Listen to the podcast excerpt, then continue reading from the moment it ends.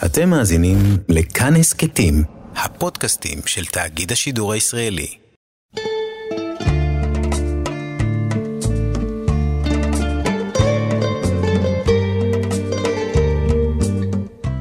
אתם מאזינים לתחנה מרכזית, סיפורה של המוזיקה הישראלית המזרחית.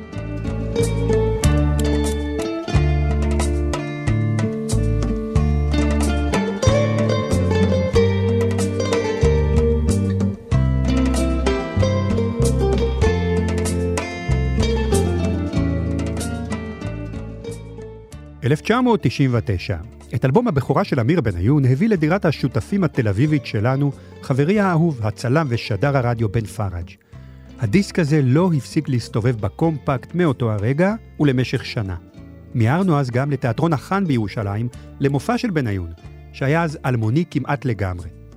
היה זה שנתיים אחרי המפץ הגדול של אייל גולן ולהקת אתניקס, ואנחנו לא ראינו עד אז דבר כזה כמו בניון.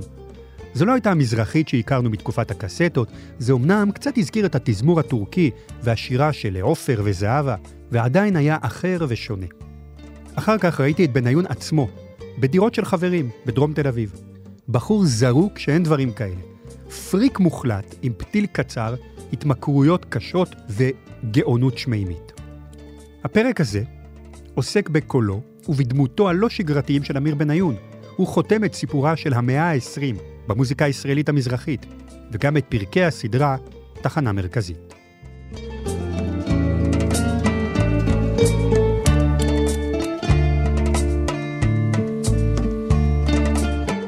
עורך ראשי, ערן ליטבין, מפיקה אחראית, רות דוד אמיר, ביצוע טכני, תמיר צוברי. אני, עומר בן רובי.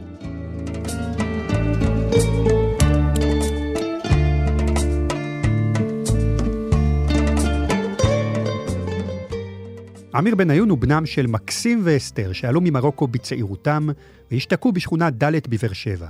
בניון הצעיר נהג להתבונן באביו וללמוד ממנו. אבא שלו היה נגן עוד וזמר בחפלות ובאירועים פרטיים, אבל התפרנס מעבודות טיח ושיפוצים. ממנו קיבל אמיר את ההשראה המוזיקלית בתחילת הדרך. ב-1998 הקליט בניון כמה שירים באולפני הוק סטודיו בתל אביב.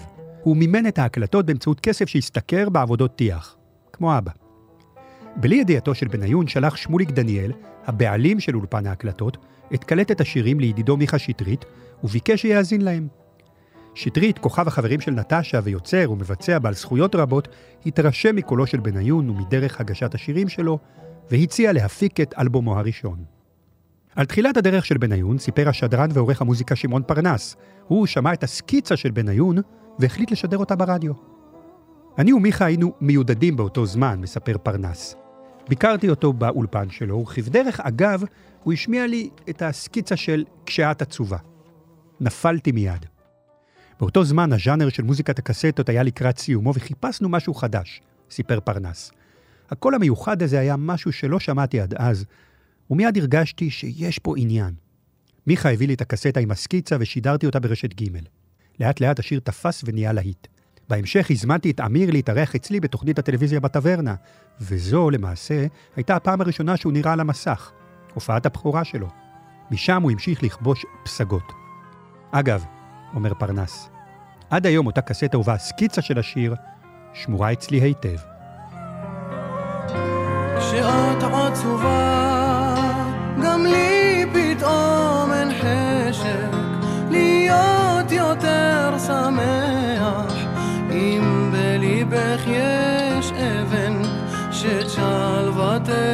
أدراك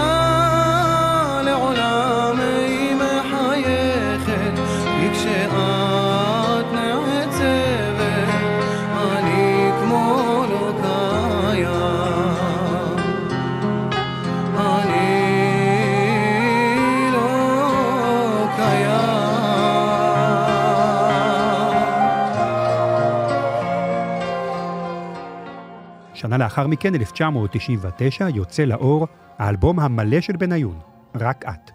את כל השירים הוא כתב והלחין בעצמו. האלבום יצא בשתי מהדורות, לכל אחת עטיפה אחרת. באחת, ציור, ובאחרת נראות פניו של בניון. בלי זקן, זה היה טרום החזרה בתשובה. יש לי חלום שבו את מבינה אותי ברגעים הכי קשים.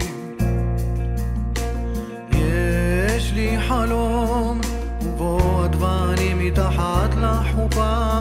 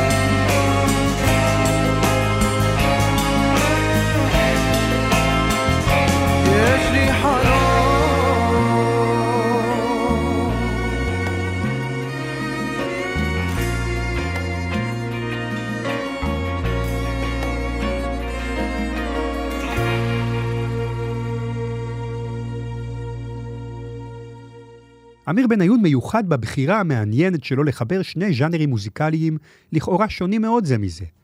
ובחיבור הזה ליצור תמהיל שנוכח עד היום ובגדול בזרם המרכזי במוזיקה הישראלית. שילוב בין מוזיקה צפון אפריקאית, מרוקאית, לבין רוק. עם הרבה מאוד אלמנטים מערביים. בדומה למה שעשו קובי עוז וטיפקס בפופ, בניון בולט מאוד בחיבור שיצר בין מוזיקה צפון אפריקאית לבין רוק ומוזיקה אלקטרונית, שבארץ לפחות היו בדרך כלל, עד אליו, נחלת המוזיקה המערבית. כל חיי היית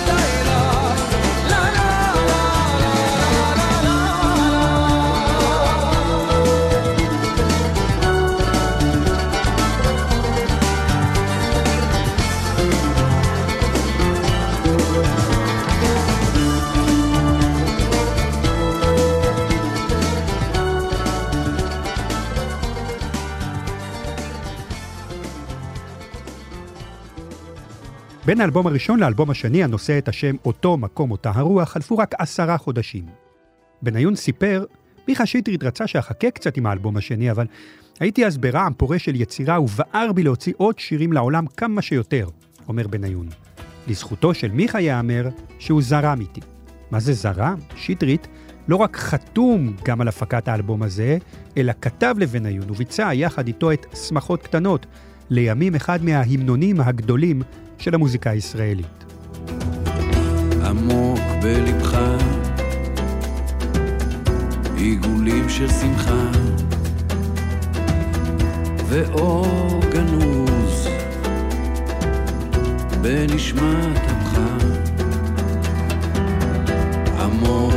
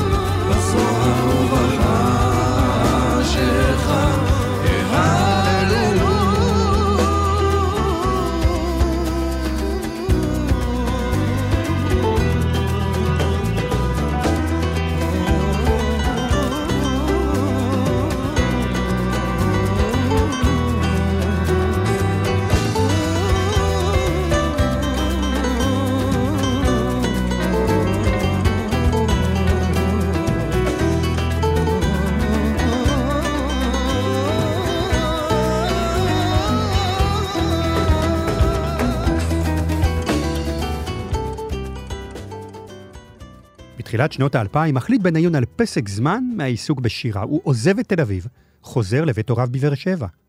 בתקופה זו גם התעצם תהליך ההתחזקות שלו. חזרה בתשובה קוראים לזה. הוא מודיע על פרישתו מהופעות. ייתכן שהמהלך הזה מקורו בסכסוך מתוקשר של בניון עם מיכה שטרית, וגם בעובדה שהאלבום השני לא הצליח כפי שציפו שיהיה. אבל למרות הכל, חיידק השירה והכתיבה כמובן לא נעלם, ובשנת 2002 יוצא לאור אלבומו השלישי של בניון, שלכת. ויצרי עכשיו, ויצרי מלכת. לא אל תלכי, אני עוד לא מוכן להתעורר כשאת אינך לידי, עכשיו זה שלכת. וזה תמיד דומה ואני לאן אלך. ויצרי עכשיו, יצרי מלכת. לא אל תלכי, אני עוד לא מוכן להישאר כאן כשאת אינך לצידי, עכשיו זה שלכת. וזה תמיד דומה, אז אלך לאן שלך.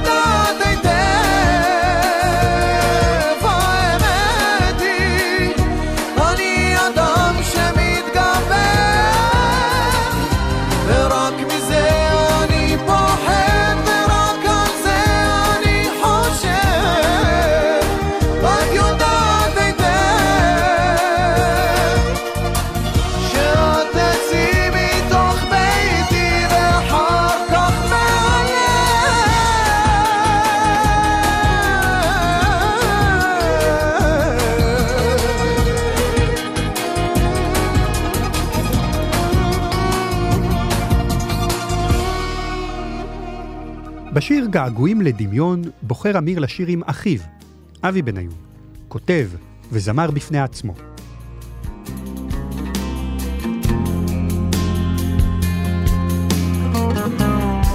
געגועים לדמיון, יש רצון להתרחק מעט מהמציאות הזאת.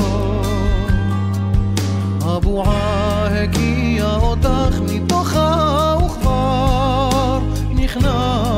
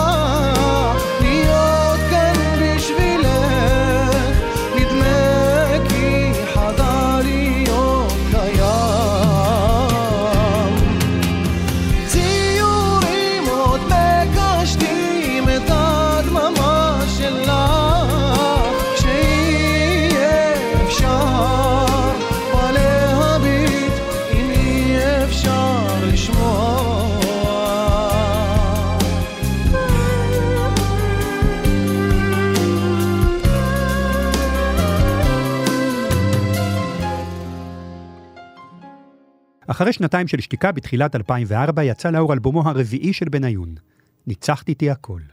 שיר הנושא של האלבום, במקור קראו לו מוזיקה, הפך להיט ענקי. המוזיקה אכן הייתה גורם מרפא ומכריע בחייו של בניון, כפי שהוא סיפר. בלי המוזיקה הייתי או רב גדול שנותן ברכה, זה כאן במקרה הטוב, או במאסר עולם, בכלא. סוף ציטוט, זה בניון אמר על עצמו. נשמע את הפיוט שסוגר את האלבום ניצחת איתי הכל, מודה אני לפניך. פיוט, שיר שרומז ובגדול על המקום המכובד שיהיה לבניון כאחד מחלוצי הגל היהודי החדש במוזיקה הישראלית של שנות האלפיים. אבל במקרה של בניון הוא לא שר פיוט עתיק ותיק, אלא כותב מחדש בהשראת תפילה שיר זעקה אישי. מודה אני לפניך, מלך חי וקיים, שקשה מאוד לחיות בעולמך טוב, על נפש שבראת בי חולה ואין לה.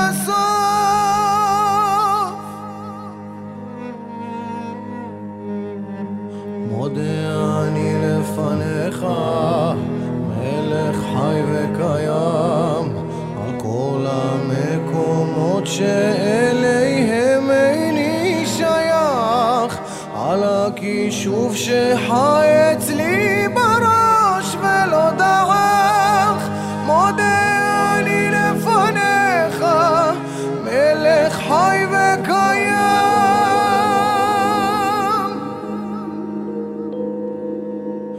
מודה אני לפניך, מלך חי וקיים, על עצב שנטעת בי כבר מחיים קודמים. על כל מה שבראת להם ולא לי מודה אני לפניך מלך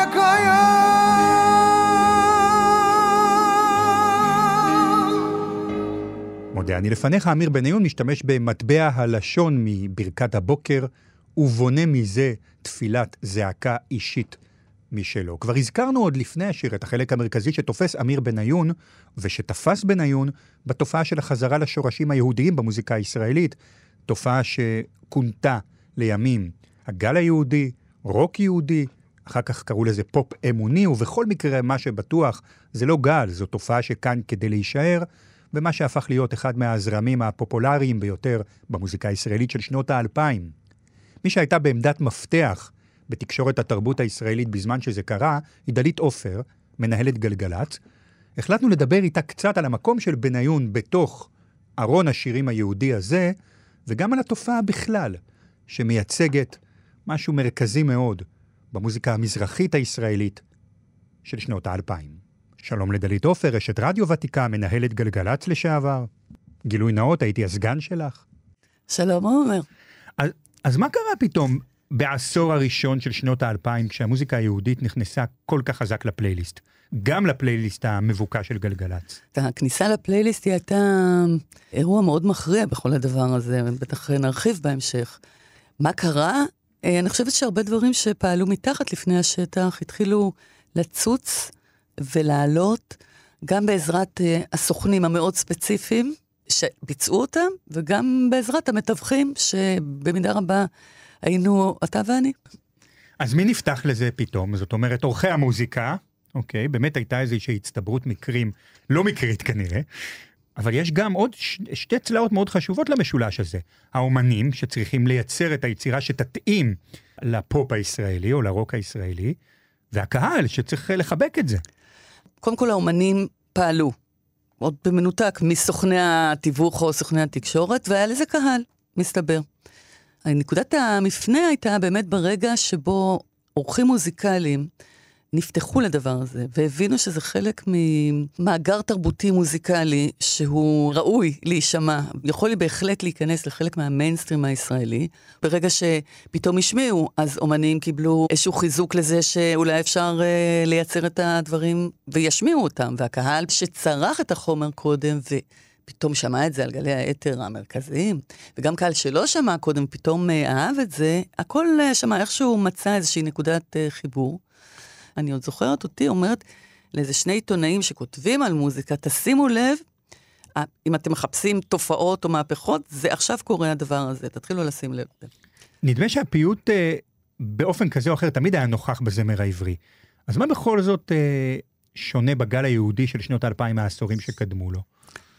קודם כל, אה, המבצעים. זאת אומרת, וההקשר. אם הפיוטים היו, אז הם היו דרך אה, או פסטיבלי זמר בסגנון עדות המזרח, או הפסטיבל החסידי. אם אתה זוכר, באמת, השתמשו שם הרבה בשירים מהמקורות.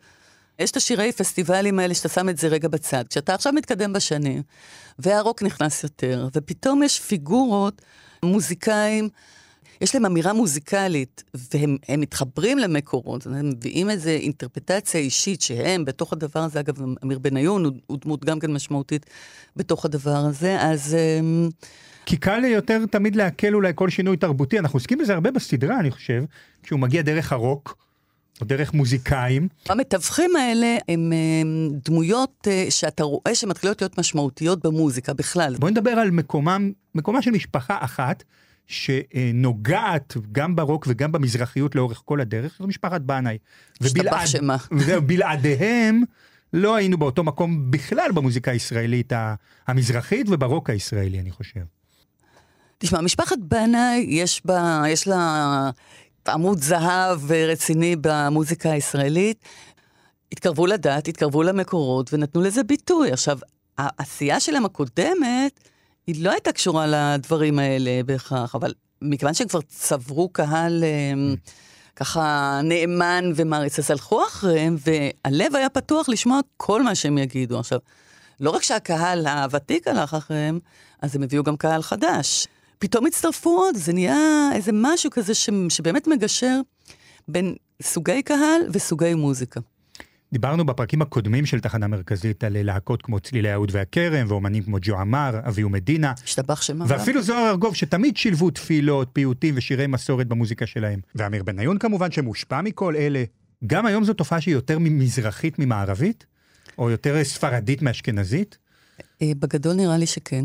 בבתי הגידול, הממוצע המזרחי, התפילות או הפיוטים היו הרבה יותר נוכחים, מה שנקרא, בשולחן המשפחה בשולחן שישי, מאשר uh, אצל משפחות, uh, גם חילוניות אגב, זאת אומרת, משפחות חילוניות ממוצא מזרחי, אז עשו נגיד יותר קידוש ו- ו- ושרו פיוטים בימי שישי מאשר משפחות uh, חילוניות ממוצא אשכנזי. כן, גם זה עובר כאן בסדרה, שהרבה פעמים אנחנו מגלים שחילוניות זאת לא מילה כל כך מזרחית. למזרחיות יש בהחלט אה, נדבך מאוד משמעותי בסיפור הזה של הפיוטים, של, של השיבה למקורות, גם דרך אה, הרוק, והעובדה היא שרוב היוצרים שפרצו הלאה הם אכן ממוצא מזרחי כזה או אחר, מה שנקרא כבד או לא כבד. הדמויות המרכזיות הם אה, בהחלט עם שורשים מזרחיים יותר ברורים. למרות שהם לא, הם לא נופפו במזרחיות, הם נופפו בקשר למקורות. הם לא אמרו, בגלל שאני מזרחי אני עושה את זה ככה. נכון שהנקודה הזו נקודת ציון גם ביחס uh, של המיינסטרים הישראלי uh, והממסד הישראלי גם למזרחיות וגם למסורת. Uh, כן, זה, זה עלה על פני השטח. זה עלה, אבל לקח לזה זמן, לפחות בעולם המוזיקה, לקח לזה זמן לחלחל. חזרה לשורשים או של שימוש במקורות יהודים כהשראה ליצירה מוזיקלית זה משהו ש... יכול לחלוף, או שזה כאן כחלק בלתי נפרד מהמוזיקה הישראלית, וזהו? זה, זה כאן כחלק בלתי נפרד, לדעתי. אין סיבה שהוא ייעלם, יש לו ביקוש, והוא זרם נפלא גם, גם מבחינה מוזיקלית. זה דברים יוצאים מן הכלל יש שם. למה שזה ייעלם? לא ייעלם. אבל זה כמו כל דבר שבהתחלה נורא מתלהבים, זה ימצא את המינון הראוי. כי בסופו של דבר, חלק מהסיפור המוזיקלי הישראלי, כמו כל החברה הישראלית, זה נישות ופינות ו... וטעמים כאלה אחרים, מין בליל כזה. אז uh, בהחלט אחד הזרמים המרכזיים שהלך ונוצר, זה, זה הסיפור הזה של הפיוטים, והוא בהחלט פה להישאר לזמן רב. דלית עופר, תודה רבה. עומר בן רובי, תודה רבה לך, נעים היה להיפגש שוב. יגדל אלוהים חי וישתבח, נמצא ואינו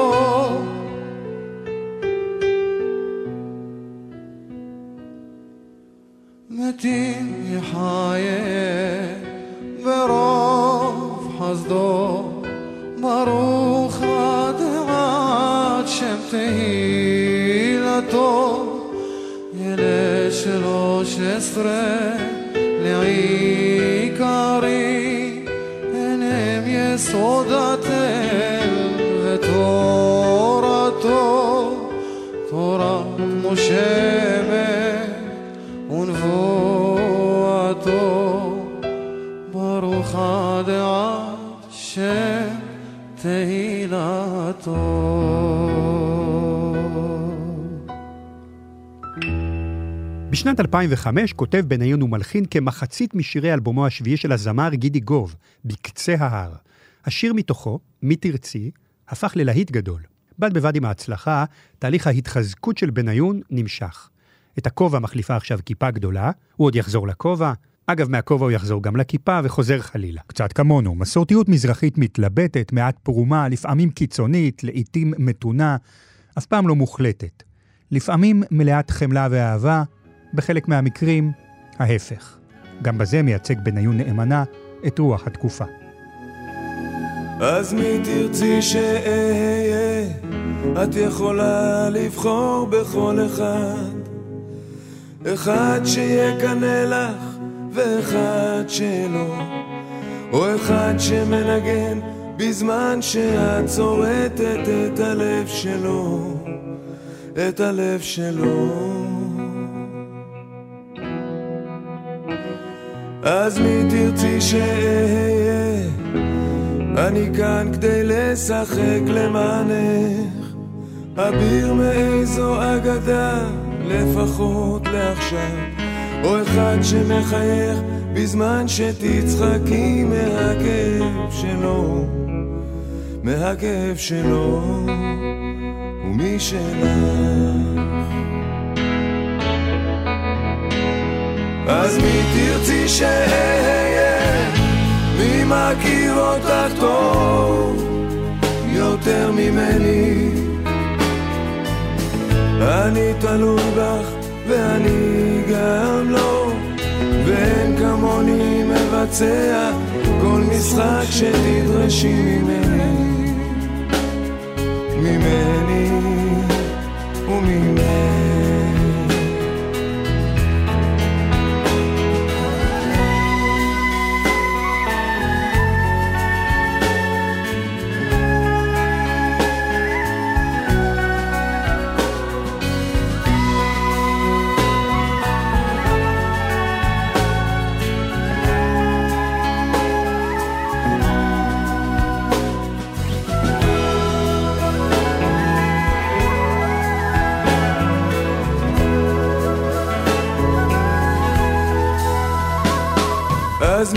תרצי שאהיה? נשאר משחק אחד ואחרון שאני חייב או שאולי אני לא אחד שיישאר שייך בזמן שאת בכלל כבר לא שלו, כבר לא שלו ולא שלה. אז מי תרצי שאהיה? מכיר אותך טוב יותר ממני? אני תלוי בך ואני גם לא, וכמוני מבצע כל משחק שתדרשי ממני.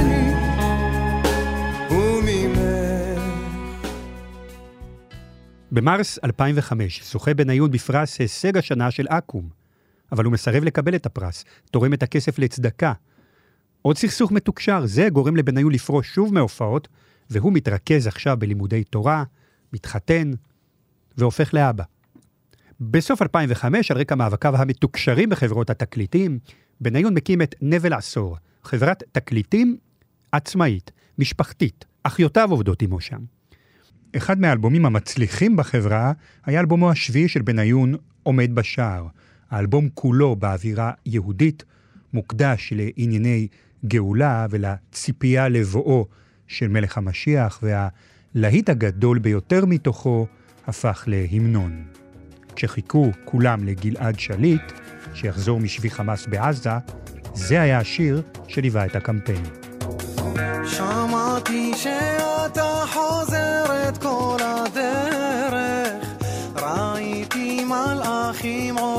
שולחן לבן המלך גם. ראיתי סולם געגועים יורדים ועולים. שמעתי רוחות שמלטפות את העלים. ראיתי אותך זה לא חזיון תעתועים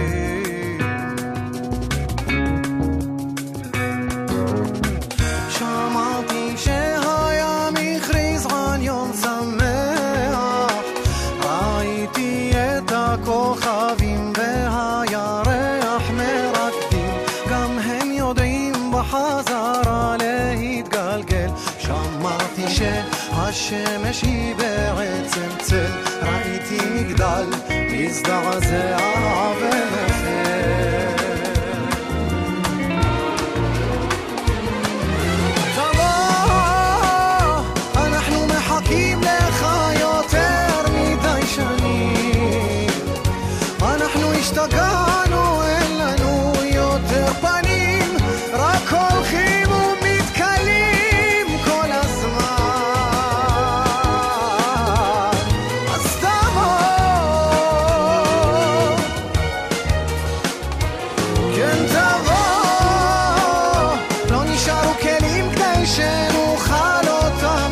amor.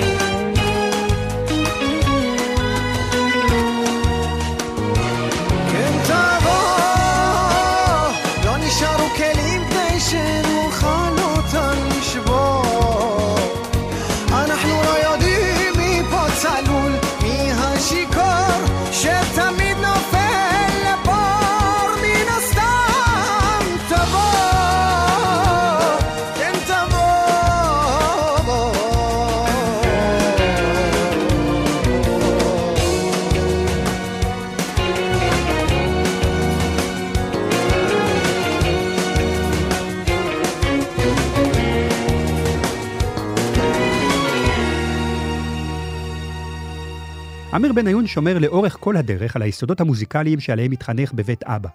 נגן אהוד, נזכיר. בשיר נשמתי מתוך האלבום "הכל עד לכאן", מתארח הפסנתרן היהודי אלג'יראי הוותיק מוריס אל-מדיוני, המשלב ביצירתו מוזיקת ראי אלג'יראית ומוזיקה אנדלוסית.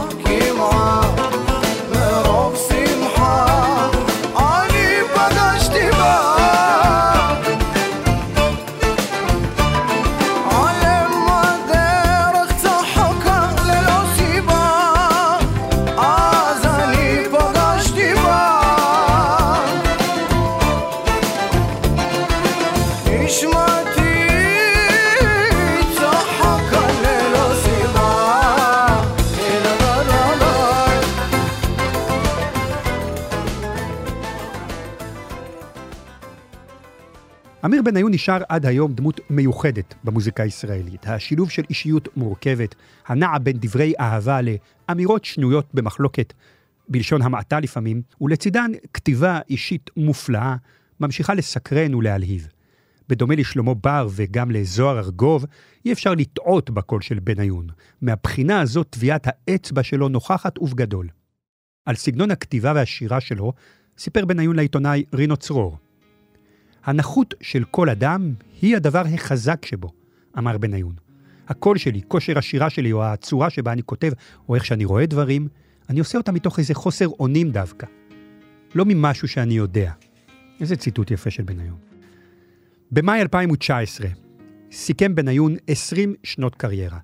בריאיון לחדשות 13 אמר, שלוש שנים מהחיים שלי השתמשתי בהרואין. אני חושב שיש לי מספיק פחד מזה וכל כך הרבה מה להפסיד. שכשאני רואה את השטן, אני משתדל לא להתקרב אליו. את הפרק הזה הנועל את 17 פרקי ההסכת תחנה מרכזית, סיפורה של המוזיקה הישראלית המזרחית, נסיים בביצוע המשותף של אמיר בניון ישי ריבו ואמיר דדון לשיר "ניצחת איתי הכל", בהופעה בבריכת הסולטן בירושלים. שיר ניצחון ענק, שמפגיש קולות נדירים, עם חיבור לעולם היהודי ובמופע רוק, מול אלפים, שבניון עבורם הוא התגשמות החלומות המוזיקליים כולם. מוזיקה ישראלית פופולרית, שהמזרח והמערב מתמזגים בה, והקודש והחול משמשים בה יחד. קצת כמו שאנחנו. גם וגם.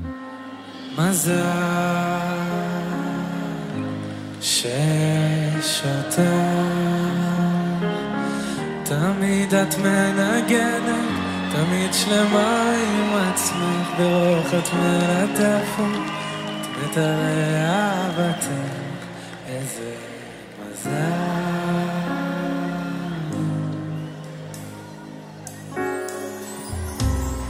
מזל שיש אותך. את מבינה אותי ואת מראה לי את עצמי. מתלהב כמו ילד מתפנק בך ואז אני נשאר איתך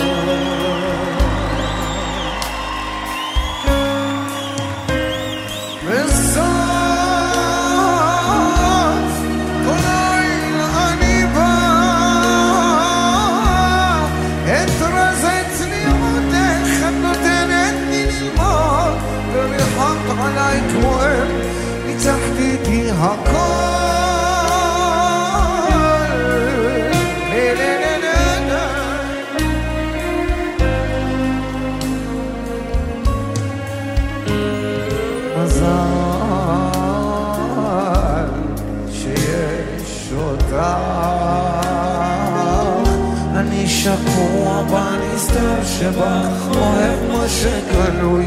אני עבד לחוכמה שלך אין בך כלום שפוי איזה מזל שיש אותך בסוף